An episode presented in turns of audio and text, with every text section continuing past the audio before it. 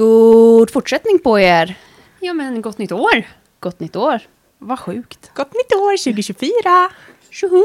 Verkligen. Alltså jag kan inte förstå att det är 2024 nu. Nej. Tiden går så Och- läskigt fort. Och framförallt säsong tre. Wow! Hur har det här gått till? Alltså vi hoppas att ni är lika taggade som vi är. Ja. Och eh, skulle vilja ställa en fråga till er först. Hur har ni haft det under julen? Så himla mysigt. Mycket bra. Och känner mig väldigt eh, utvilad och redo för säsong tre och allt som ska komma. Ja, verkligen. Vi har ju eh, en spännande vår framför oss. Otroligt spännande. Vi har så mycket kul planerat. Och på tal om det. Idag så har vi en gäst. Vi sätter liksom igång säsongen. Vi rivstartar. Ja, vi sätter ribban högt. gör vi. Så alla andra avsnitt kommer alltså inte bli lika bra. För vi börjar bra. Man går ut 100% och sen ökar man successivt. Just det. Precis så. Ja.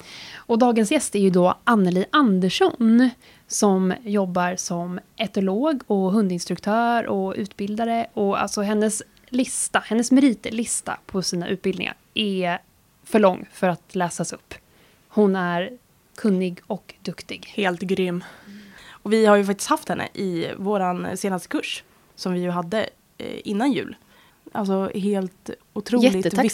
Verkligen, väldigt viktig kurs. Och väldigt lärorik. Och kommer ge oss mycket bra verktyg i vårt arbetsliv framåt. Och i studion idag så är vi Mange. Linan. Moa. och Hasse. Nu, Nu kör vi!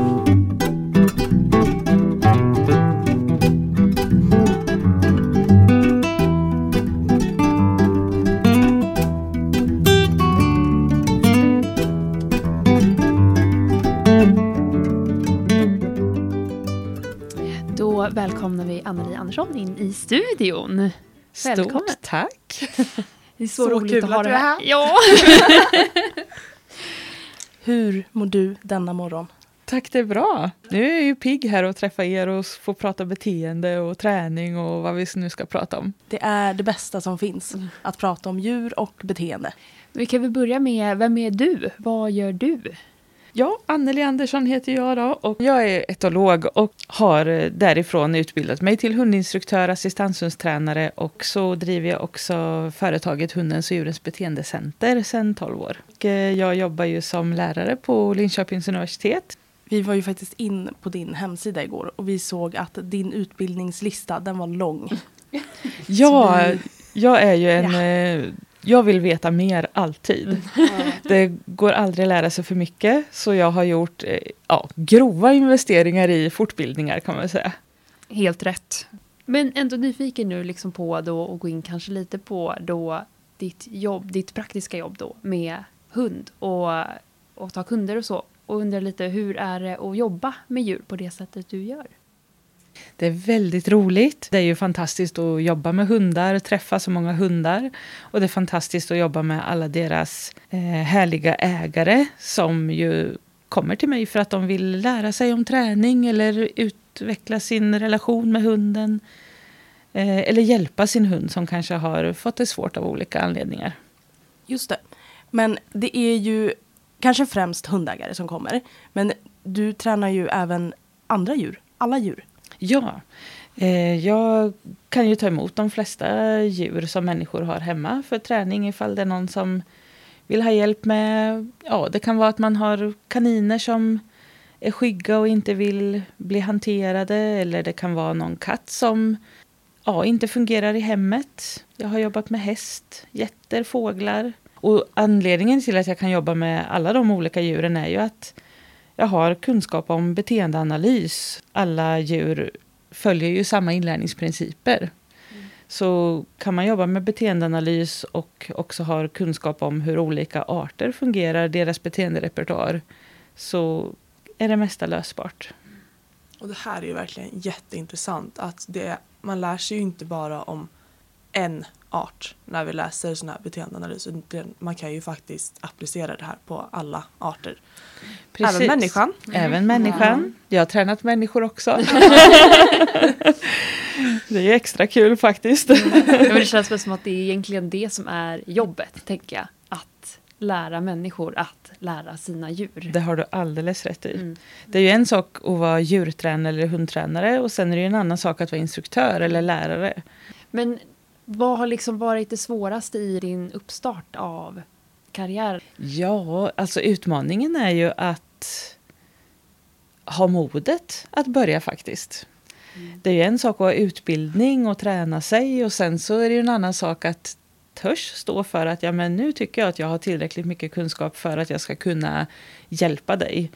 Eh, men där är det också otroligt viktigt med ödmjukhet att ja, men jag kan hjälpa dig till den här gränsen och nu så ser jag att jag kanske inte kan hjälpa dig vidare.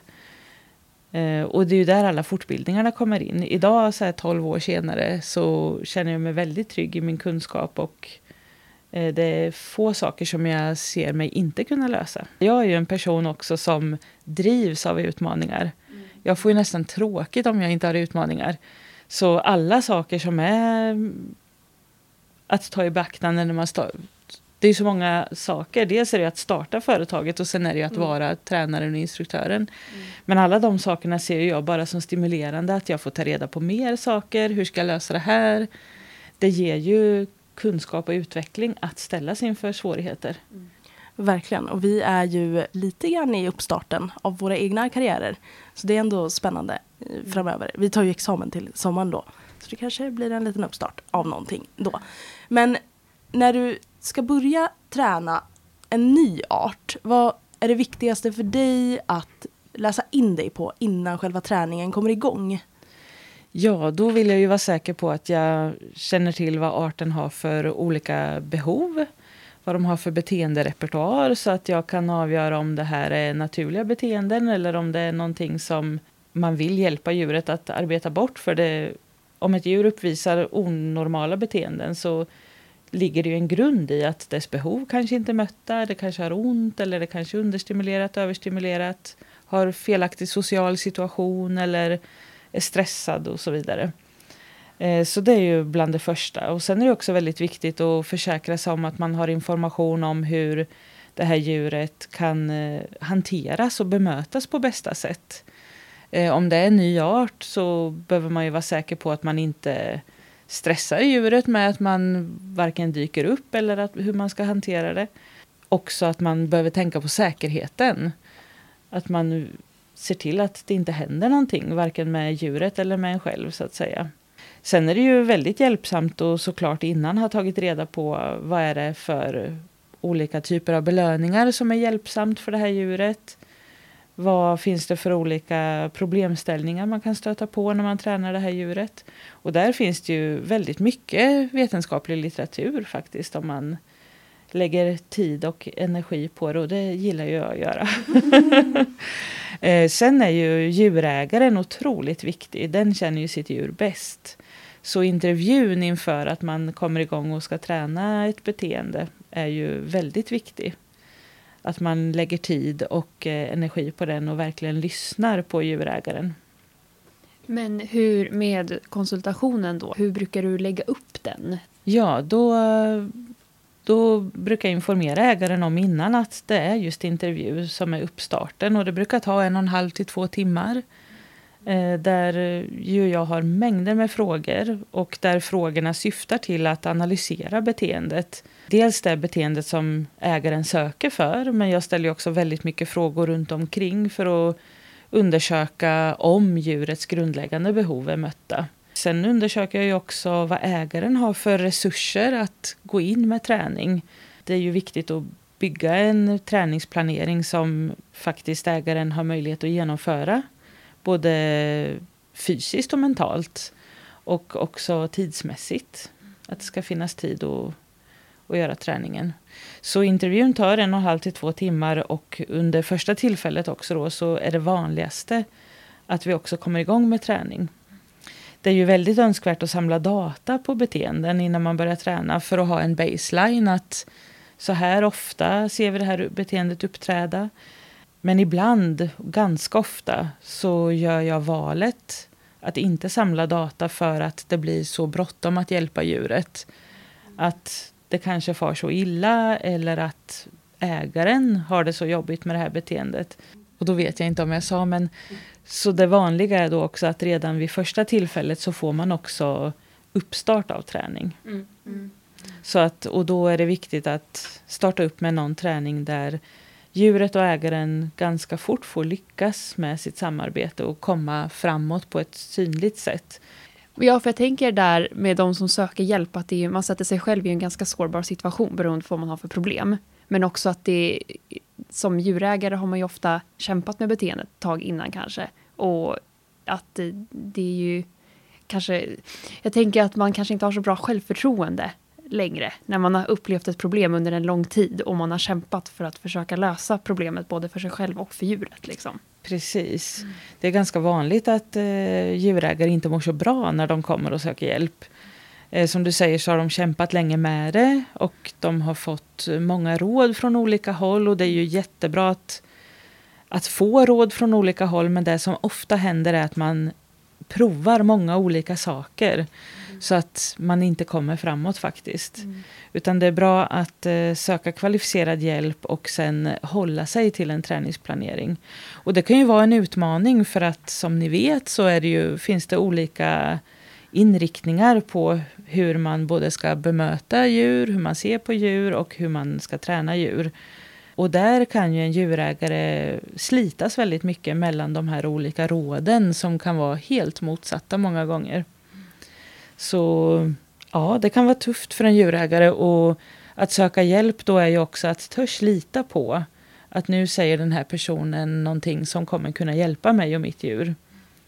Eh, och där har ju vi som jobbar med konsultation en viktig uppgift i att kunna förklara och visa på ett tydligt sätt vägen framåt. Och förklara varför ska vi göra så här istället för så där.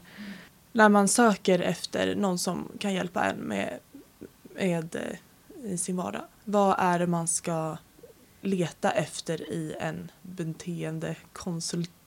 Alltså jag tänker, det du menar att det är en djungel ju att hitta någon som Ja. faktiskt är att lita på. Alltså hur ska man gå tillväga som privatperson? Det är jättesvårt. Det är ju så att det här med att jobba med hund och djurträning är ju en helt oreglerad marknad. Vem som helst kan ju faktiskt eh, säga att man är instruktör eller tränare. Eh, det finns inga större krav på, eller det finns ingen reglering runt det. Däremot så kan man ju titta till exempel på Sveriges hundföretagare. Där man samlar människor som har en viss form av utbildning. Och där man vet att det finns en garanterad utbildning och diplomering eller certifiering. Och där finns ju både instruktörer och hundpsykologer samlade. Sen har vi ju Sveriges akademiska etologer som också har en eh, struktur för vad har man för kunskaper för att få vara med i den här organisationen. Så det kan ju vara två sätt att eh, åtminstone säkerställa utbildningsbakgrunden. Sen därifrån så är det otroligt viktigt också att hitta någon konsult som man faktiskt känner förtroende för rent personligt. Det kan ju vara så att man behöver träffas en gång för att se att ja, men, kan du tycka att du litar på det jag säger och tycker du att den träningsinriktning som jag erbjuder dig för att lösa det här problemet fungerar för dig. Optimalt är ju såklart att kommunicera sånt innan man träffas, antingen via telefonsamtal eller mejl eller så. Men Sen kan det ju vara bra såklart att eh, höra efter med andra. Att, vad har, du, har du någon erfarenhet av den här instruktören eller tränaren? Eh, för att höra. Men där är det också så otroligt beroende på vem man frågar. Eftersom vi är olika som människor så har vi också olika behov av vilken hjälp vi får. Så ja, det är en djungel. Jag har inget rakt enkelt svar tyvärr. Nej, för det är ju så lätt att man tror att man kommer till en bra person. Precis. Som faktiskt kanske inte har kunskap, eller den kanske har erfarenhet, men inte liksom kunskap om beteende. Ja, det som jag önskar för alla hundägare eller djurägare och deras djur, eh, det är att när man söker hjälp att man försöker hitta någon som har kunskap om just beteendeanalys. För beteendeanalys möjliggör att man tränar med djuret genom hela träningsprocessen till mål. Eh, väldigt många andra sätt att träna på gör att man använder vad som brukar uttryckas som att man sätter gränser, man behöver markera, man behöver öka kravställning och så vidare. Och eh, det är inte nödvändigt när man har kunskap om beteendeanalys. Beteendeanalysen bygger på att man jobbar med att sätta upp en situation så att man får djuret att göra det man vill och därifrån så förstärker man det önskvärda beteendet. Och sen handlar det om att bygga det väldigt gradvis, att ta sig tid att bygga det här beteendet. Och det önskar jag att de flesta skulle vilja, eller alla skulle vilja ta sig den tiden. För då jobbar vi med djuret, vi får en process där vi kan följa utvecklingen. Vi får en planerad process där vi vet att vi kommer komma framåt i de här gradvisa stegen. Det blir inte på försök. Men det är ju det som är det fina med just beteendeanalys. För vi hade ju Eva Bertilsson som gästade podden Ja. för ett tag sedan. Och då pratade vi ju bara om beteendeanalys. Men just området är ju verkligen eh, det som möjliggör, eller det man gör är ju att individanpassa för dels djuret och människan. Och det är så fint att hela området bygger på just individen. Och det är ju väldigt goda förutsättningar för att det ska funka väldigt bra när man tränar vidare sen. Precis, för det vi gör är ju inte att nu har vi det här beteendet vi vill förändra och då brukar vi göra så här. Utan i varje givet läge så går vi in och tittar på just den individens beteende. Vad är det som signalerar till djuret att göra det här beteendet och vad är det som upprätthåller beteendet? Och så kan vi gå in och justera de parametrarna mm. för att förändra situationen. Och det är därför också som vi lyckas med träningen. Det kan liksom inte gå fel. Och det är ju en eh, dröm att få höra om man kommer då som ägare. Jag och Mange då tog emot en omplacering och hon hade ju varit med om en del i sitt liv. 12 år liksom. Det är klart att det påverkar eh, en individ som är 12 och behöver flytta. Ja. Vad härligt för en tolvåring att få komma till ett hem med personer som vill hjälpa den och jobba med den. Ja, verkligen. Men faktiskt, det var ju innan vi egentligen hade så mycket kunskap om beteendeanalys. Ja. För det var ju i samband med den kursen som vi har haft med dig och Eva då. Det är ju faktiskt då jag personligen kom över beteendeanalys som område. Just det. Och det är ju ett annat problem. Att informationen om beteendeanalys gans, är ganska knapp ute i samhället om man säger. Men så fort vi började arbeta på det sättet med Kenzie så har det ju fallit många pusselbitar på plats. Och det är ju så fantastiskt fint. Vad härligt att ni har kunnat praktisera det som vi har tränat på på universitetet. Ja, försöker i alla fall.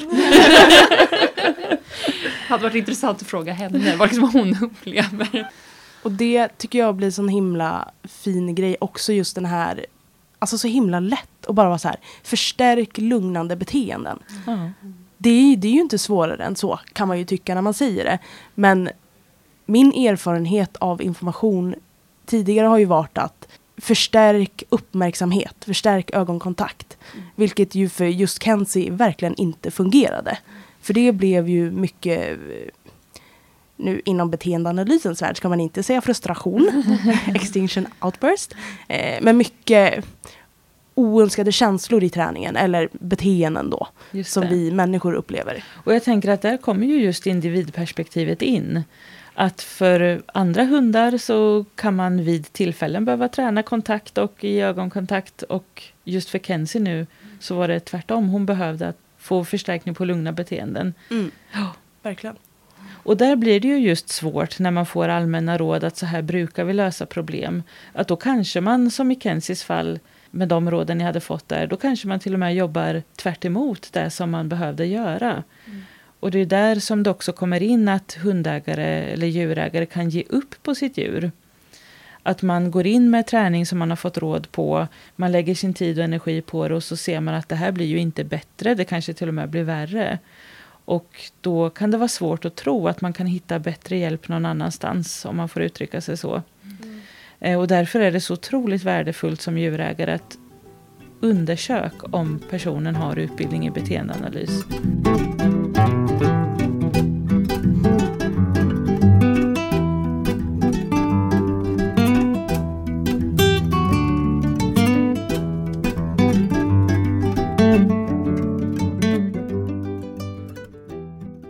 Jag vill ändå ta upp, för du sa vid något tillfälle här för inte så länge sedan att eh, dina hundar inte är så liksom tränade. Men att du Nej. har väldigt mycket, nu ska jag inte quota rakt av, för jag kommer inte ihåg exakt vad du sa, men någonting i den stilen. Men att du har väldigt mycket vardagslydnad då på dina hundar. Och det kommer från att när ni går in i nya situationer och så, så ger du väldigt mycket information till dina hundar om hur de ska bete sig och hur, ja. Ja, just det. Eh, jo, det jag menade var att jag har inte tränat mina hundar i till exempel tävlingslydnad eller rallylydnad. Eller jo, det har jag, men jag har inte tränat det till den grad att jag vill tävla. Eller jag är inte intresserad av tävling, utan jag är intresserad av beteenden. Studera beteenden, förändra beteenden. Eh, så man kan tänka att mina hundar inte är så tränade för att jag inte är ute och tävlar. Men det som de är väldigt tränade i, det är ju att fungera väl runt mig i vardagen. Och det är för att jag i allt umgänge med dem ger dem information. Och det är ju för att allting finns ju beteendeanalysen i. Eh, om jag vaknar på morgonen och min hund står jämte sängen så är jag medveten om vad är det för beteende jag vill förstärka och inte. Ifall eh, jag är i köket och min hund gör någonting så tänker jag, vill jag förstärka det här beteendet eller vill jag omrikta beteendet så att den gör någonting annat? Eh, och den medvetenheten gör ju att hunden får information hela tiden i vårt umgänge. Att det här är vad som lönar sig, det här hände ingenting eh, och så vidare. Så många som träffade min gammelman Morris, de sa att han var ju så klok och han var en sån härlig enkel hund att ha att göra med. Om man var hundvakt eller om man var runt honom. Eh, han verkar ju förstå allting. Det var ju att han hur många gånger som helst till exempel har fått se att om min hand pekar ut åt vänster så har jag kastat en godisbit åt vänster också. Så har jag gjort det i vardagen hur många gånger som helst utan att jag står och har ett träningspass. Andra gånger så går det åt höger och så vidare. Så sen efter upprepningar, upprepningar i vardagen, så när människor sätter ut handen åt vänster för att få honom att flytta på sig, en ganska stor golden retriever om han står i vägen, då kommer han gå åt vänster. Som att han förstod vad jag ville. Eh, och genom att använda sådana här vardagsgester i djurträningen eller i hundträningen så gör ju det att andra människor också kan eh, kommunicera ordfritt med hunden så att säga. Så det var ett exempel på vardagslydnad som, ja, som inte är regelrätt. Jag har stått och tränat övningar så att säga. Eh, sen har ju jag tränat honom till exempel i plats, att stanna kvar. Det har jag ju gjort regelrätta träningspass på. Men sen efter och mellan träningspassen så är det någonting som jag ständigt upprätthåller. Och då kan det ju handla om en sån enkel sak som att ja, men, nu ska jag gå ut på promenad, då kan jag lika gärna göra ett sitt utanför ytterdörren och så säger vi bra och så är förstärkaren på det beteendet att du satte dig att nu får vi gå. Det finns ju massa tillfällen i vardagen där vi kan använda annat än det som vi brukar... När vi säger träning tänker ju många godis eller lek. Men väldigt många bra förstärkare av beteenden är ju det som hunden just då kanske har förväntan på. Ska jag gå ut och gå så är det ju en väldigt bra förstärkare att få gå ut genom ytterdörren för att jag först har gett kontakt.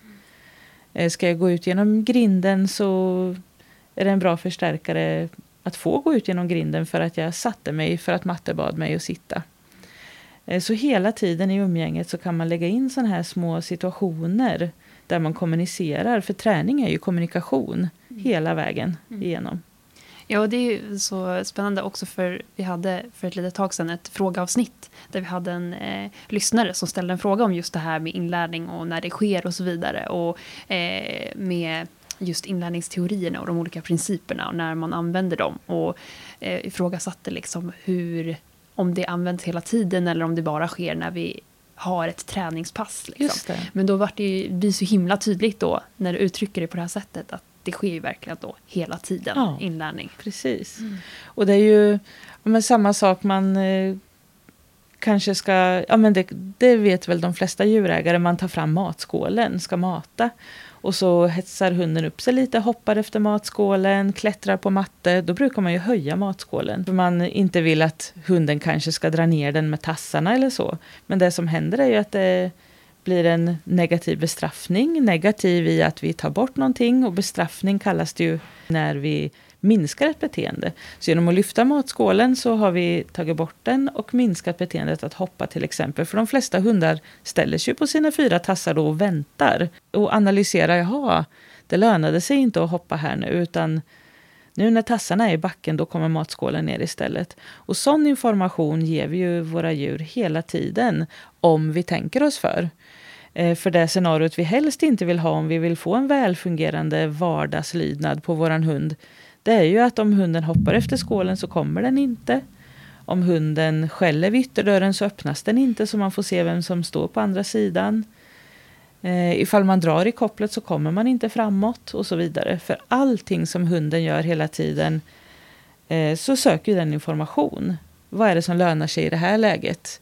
Inte kanske på ett medvetet plan utan bara rent, jag drar i kopplet och kommer framåt, ja men då är det så jag måste göra för att komma framåt. Och då fortsätter jag med det. Ja, just det här med medvetet och omedvetet. För jag menar, det är ju så om man tänker på sig själv som människa.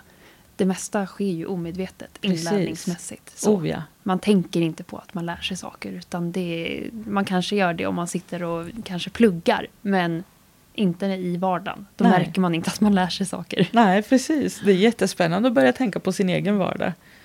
Att eh, om jag gör en sak på det här sättet så blev det, gick det snabbare och enklare att göra det. Om jag gör det på ett annat sätt så tar det mera tid och kostar mer energi. Och då tenderar vi att dra oss mot det enklare hållet. Och så är det ju verkligen för alla levande varelser. Även om man ska, som sagt då, typ människor, men också andra arter ju. Att det funkar ju på ungefär samma sätt. Att individer vill optimera sitt sätt att vara i den miljön den befinner sig. Precis. Och utifrån det så kan vi ju verkligen hjälpa till och modifiera olika beteenden. Om man ser på livet i helhet som en inlärning ja. och inte bara konkreta träningstillfällen. Precis, och där säger du en så viktig sak. För att det här med att man vill optimera sina beteenden efter miljön man befinner sig i. Det är ju det våra, om vi nu ska prata hund, det är ju det våra hundar gör hela tiden. Eh, och där uppvisar de beteenden som för oss människor kan verka vara onödiga, jobbiga, problematiska. Men för hunden så har de alltid en funktion. Att hantera den miljö jag befinner mig i. Att hantera den information jag har just nu på bästa sätt. Och det är en väldigt viktig sak att ha med sig och som beteendeanalysen ju bygger på. Att beteenden vi ser har en funktion. Om vi kan förstå den funktionen så har vi lättare att gå in och modifiera beteendet. Ja, och just det med att det som vi anser vara problem kan ju ofta då komma från ett mer mäns- mänskligt perspektiv. För hunden kanske inte är lika mycket ett problem alla gånger. Nej. Men hur kan vi göra som ägare då för att förebygga att hamna i olika typer av problem då? Ja, jag tänker att eh, absolut grundläggande är ju att se till hundens behov. Eh, hunden är ju, som vi vet, eh, en så väldigt annorlunda art jämfört med oss människor. Det gör ju att vi lever sida vid sida med individer som har helt andra behov än våra mänskliga behov. Eh, vi vill gå in i, ett, i en bostad och stänga dörren om oss för att känna oss trygga. Medan en hund skulle ha behov av att få ha uppsikt över sitt revir och vara fri att agera på sitt revir, patrullera sitt revir. Eh, så bara där skapar vi ett problem att vi stänger dörren och bestämmer över hunden att nu ska du vara här. Vi sätter koppel på hunden som ju är extremt onaturligt för dem. Att gå inom två, tre meter ifrån oss människor istället för att trampa runt, springa framåt, stanna och lukta så mycket de vill, gå i den riktning de vill, gå igenom terrängen istället för att gå på trottoaren och så vidare. Så förebygga kan vi göra genom att verkligen tänka igenom vad har våran hundindivid för behov med sig som art. Väldigt, väldigt många som vi människor tycker problembeteenden är ju bara helt funktionella beteenden för hunden men det funkar inte i vår människovärld. Jag tycker att det är så viktigt att tänka på. Att eh, ibland också sätta sig i hundens perspektiv. Också kanske för att göra det lite lättare för sig själv. Oh, för att ja. jag tror att det är så himla lätt, hur mycket man än kan ha förståelse för sin hund, att man ändå tänker att hunden är lite jobbig och alltihopa. Men att verkligen tänka det ur hundens perspektiv som art. Att Precis. för den är det helt naturligt att bete sig på det här sättet. Ja, Det är bara att jag tycker att det är jobbigt i vår vardag. precis. Mm. Verkligen, och det har ju vi också då personlig erfarenhet av med just Kenzie också. För att jag tror att många hade nog eh, sett på henne som en reaktiv hund eller en individ som är instabil. Men för oss så är ju det bara helt naturliga beteenden utifrån vad hon har varit med om. Och då får ju vi finnas där i den mån vi kan för att hjälpa henne. För det är inte hela världen att en hund skäller ute på promenad då och då. Nej, jag tänker det just det här att ha förståelse för att den här individen har de här beteenden och de har en orsak. Redan där kan vi ju se faktiskt med mera kärlek på våra hundar. Genom att se sin hunds eh, beteenden och förstå att det finns en funktion med dem. Att för den här hunden är det funktionellt i den här situationen att bete sig på det här sättet. Det kan till och med vara ett behov hos hunden att bete sig på det här sättet. Så kan vi ju med vår förståelse hitta en väg att vilja vägleda hunden från det som vi inte tycker fungerar. Eh, istället för att försöka undertrycka ett beteende hos hunden. För att om vi undertrycker ett beteende, vi skulle ju kunna säga till den reaktiva hunden att nu lägger du av. Vi skulle kunna rycka till hårt i kopplet, vi skulle kunna skälla på den, ta tag i den, trycka ner den på marken. Eh, hota hunden till att inte törs bete sig som den har behov av. Eh, och förutom att det ju bidrar till en extremt tråkig relation och eh, en hund som inte kan lita på oss, så vet vi också att undertrycker vi beteenden så har det behovet som hunden har att ge uttryck för det här kommer komma ut någon annanstans.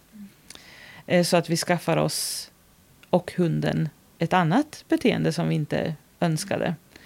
Så genom att ha förståelse för att det här är ett beteende som våran hund uttrycker för det finns ett behov så kanske vi människor också kan vara lite mer motiverade att hjälpa hunden som sagt därifrån.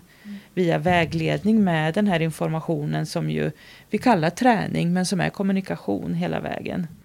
Mm, verkligen, för det ju, finns ju egentligen inget beteende som kräver en bestraffning. Som kräver att man är tuff eller hårdhänt. För som sagt, allting går ju att modifiera om man går ner på detaljnivå för vad som utlöser beteendet. Eller antecedenter då som man pratar om inom beteendeanalysen. Mm. Precis. Det finns inga beteenden som vi måste straffa bort utan i så fall har vi inte lagt en tillräckligt detaljerad analys och planering av beteendet. Så om det är så att vi kommer igång och tränar ett beteende och så fastnar vi någonstans, då betyder inte det att nu är gränsen för vad vi kan träna med positiv förstärkning och eh, att sätta upp situationen så att den ska fungera bättre för individen. Så då ska vi inte tro att vi måste ta till de här som man brukar kalla sätta gränser och vara tydlig och öka kravställning och så vidare. Utan det handlar bara om att vi behöver lägga en noggrannare planering ifall vi fastnar. Backa tillbaka och analysera beteendet igen. Och inte vara rädd för att planera om. Precis. Mm. Så himla viktigt och så himla bra och värdefullt med den här eh, kunskapen. Ja, man önskar att eh, fler skulle få den informationen. För jag tänker som ni var inne på tidigare att det finns en brist på spridning av den här kunskapen om beteendeanalys. Det finns en brist på att den når ut till gemene man. Vi är ju många som är etologer, beteendeanalytiker, instruktörer, hundpsykologer som har olika grader av den kunskapen med oss. Eh, men sen behöver den ju också nå ut till djurägarna. Och där har ju vi som jobbar med djur en enormt viktig uppgift. Att sprida kunskap om det här och visa på att det finns vägar att träna det här på utan att ta till det här att jobba mot individen som jag brukar säga istället för att jobba med den.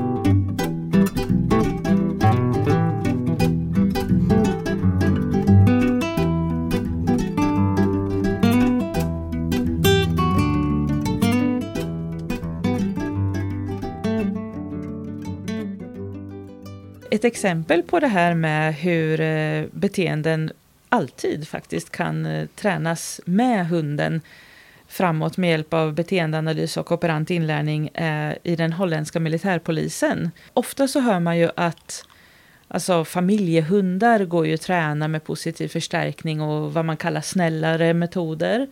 Men det är skillnad på brukshundar. Kommer det till brukshundar så brukar man en del hävdar att deras annorlunda eller starkare drifter och annorlunda temperament gör att man behöver ställa krav och gå in med tydligare regler och gränser som man brukar säga. Mm. Men den här holländska militärpolisen har ju, de har ju revolutionerat sin utbildningsnivå på hundarna genom att ta in beteendeanalys och operant inlärning. Mm. Jag var på en helgutbildning med chefen, tidigare chefen Simon Prince Eh, Eh, en fantastiskt duktig person, djurtränare, instruktör som när han blev chef så såg han att det tog två, två och ett halvt år att utbilda en militär polishund och utbildningsnivån var högst otillfredsställande. De gjorde ju såklart sitt jobb med skyddsarbete och de gjorde spår och sök och så. Men det var inte alltid så att det gick att lita på genomförandet på hundarna och han hade då redan sett att det fanns mycket mer välutbildade hundar som kunde ju göra saker som man skulle kunna likna vid olika tricks och konster. Att göra saker med precision. Så han eh, utbildade sig och eh, sökte upp en av världens mest välrenommerade tränare, Bob Bailey. Och bearbetade honom som jag tror att det var flera års tid.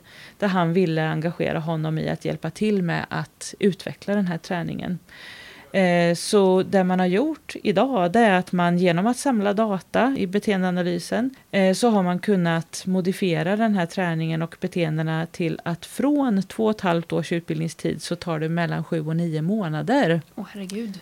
Wow. Ja, mm. och de här hundarna kan göra otroligt mycket mer saker i sin beteenderepertoar än man hade innan. Så idag så har ju han då tränat hundar att via instruktioner från en liten högtalare som sitter på västen på ryggen så kan hundarna smyga fram flera hundra meter. De kan eh, utan sin förare dirigeras att svänga höger och vänster och eh, gå fram och till exempel trycka fast en sugpropp med avlyssningsutrustning på en ytterdörr och gå tillbaka till sin förare. Så det här är så häftigt. Ja, jag ryser. Ja, det, det, är fantastiskt spännande. Om ni någonsin har möjlighet att gå på föreläsning med honom så då behöver, ni, då behöver ni gå. Ja, Han är så inspirerande och motiverande. och Ja, alla de här beteendena är då som sagt under fullständig signalkontroll. Så att hundarna gör det inte på lösen när de får sin signal utan varje meter framåt är under kontroll så att man verkligen kan använda hunden som det verktyg man behöver den då eh, i det här arbetet. Och det här är ju då brukshundar. Malinois är den vanligaste hunden. De har även tränat schäferhundar. Eh, som ju har precis samma starka drifter som det man ofta menar då med temperament och drifter. Att mm. de här hundarna skulle då inte vara möjliga att träna med positiv förstärkning. Mm. Eh, och det är så härligt exempel och det spännande är då att för att Bob Bailey, den här eh, välkända tränaren skulle gå med på att engagera sig i den här träningen.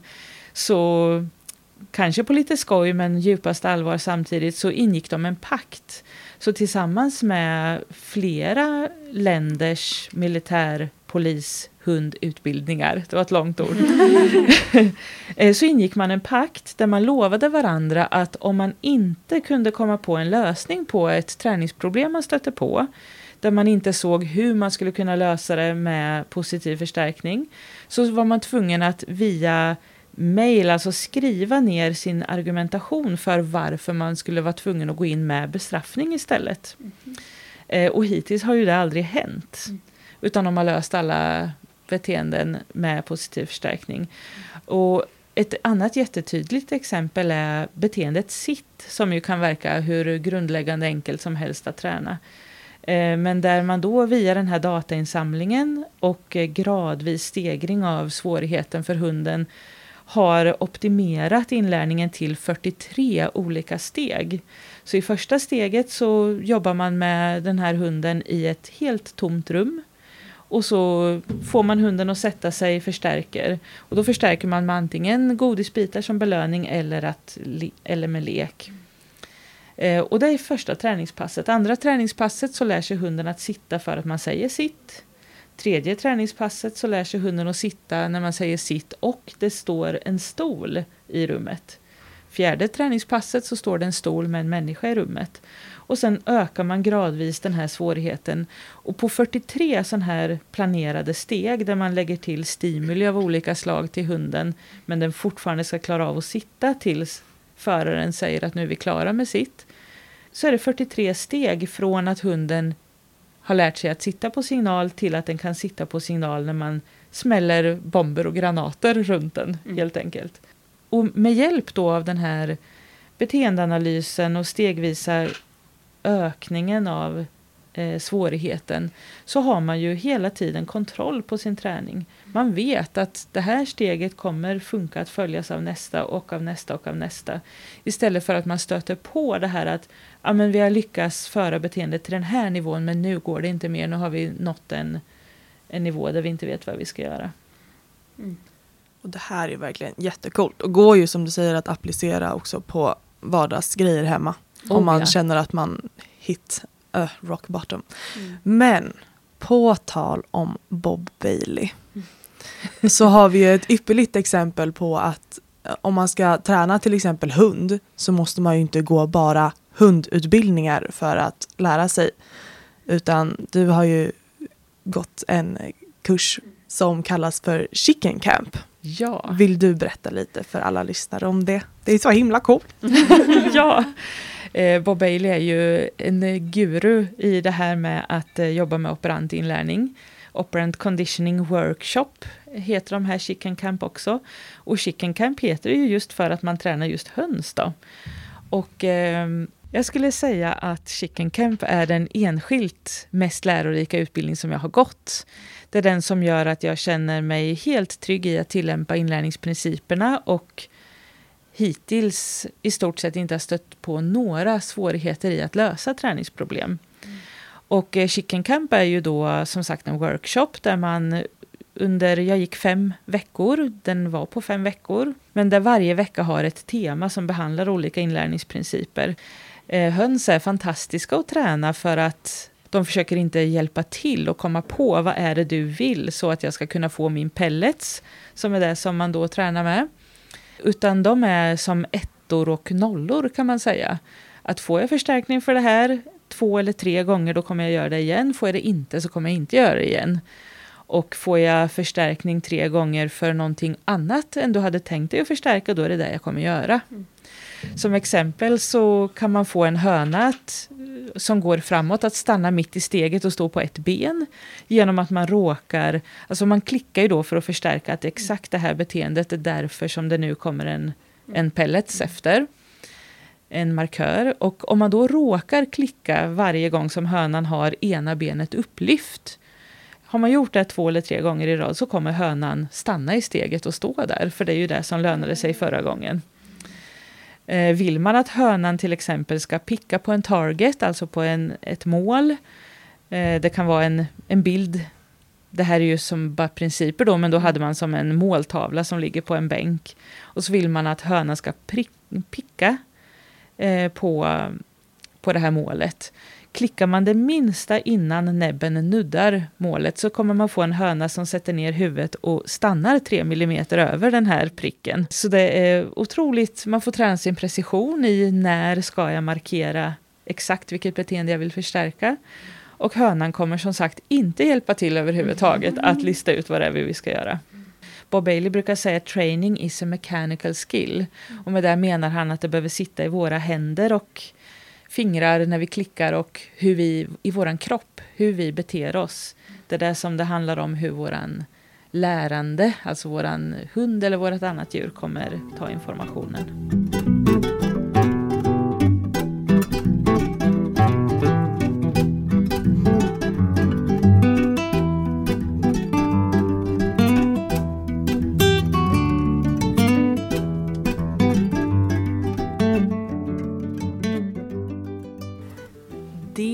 Är dags för en dagens Wow! fun fact. Och så här, jag, jag tänker att jag ställer en fråga så får alla svara på den då. Varför är det så svårt att beskriva hur någonting smakar? Det var en svår fråga att svara på kände jag spontant.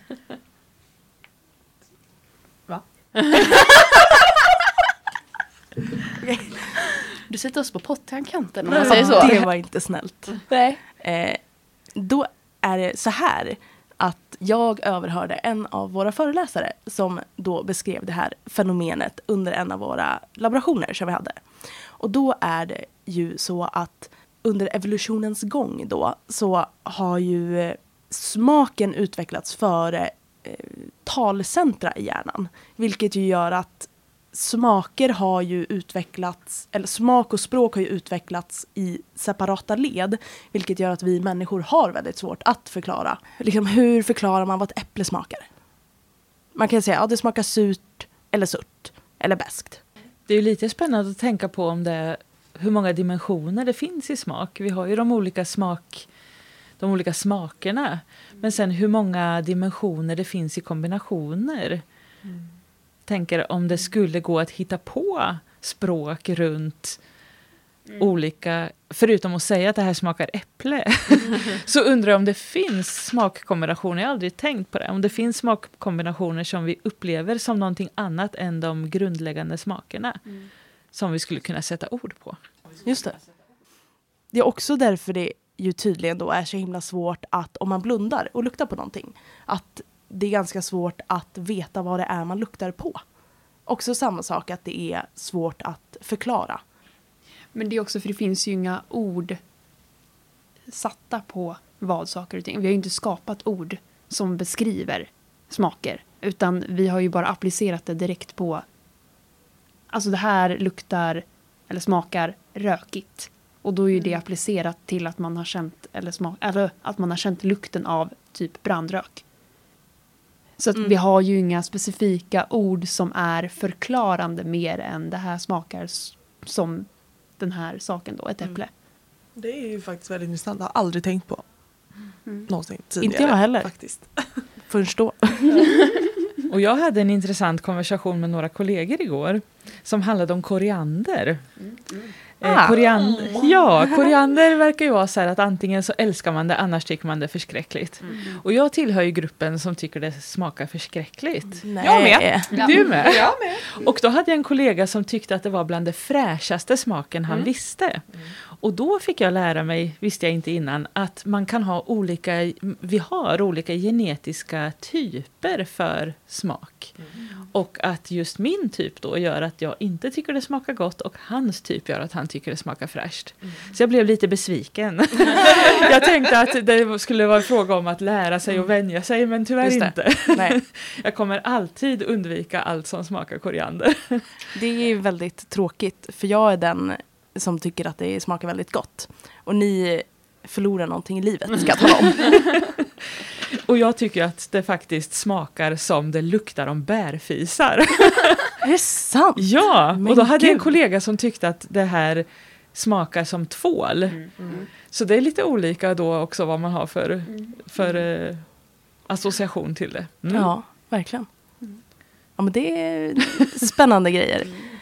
Men eh, då tackar vi så hjärtligt Anneli för att du kom och gästade podden. Stort tack för att jag fick komma. Ja, jätteroligt att ha dig här. Hoppas du vill komma tillbaka. Det gör jag jättegärna. Och vill ni komma i kontakt med oss så kan ni göra det på vår Instagram där vi heter gärna djur. Eller på Facebook där vi också heter Gärna djur. Och ni kan även följa, På Instagram heter vi Beteendecenter. ja. Tack för oss. Tak, tak. Mm, bye. bye. bye.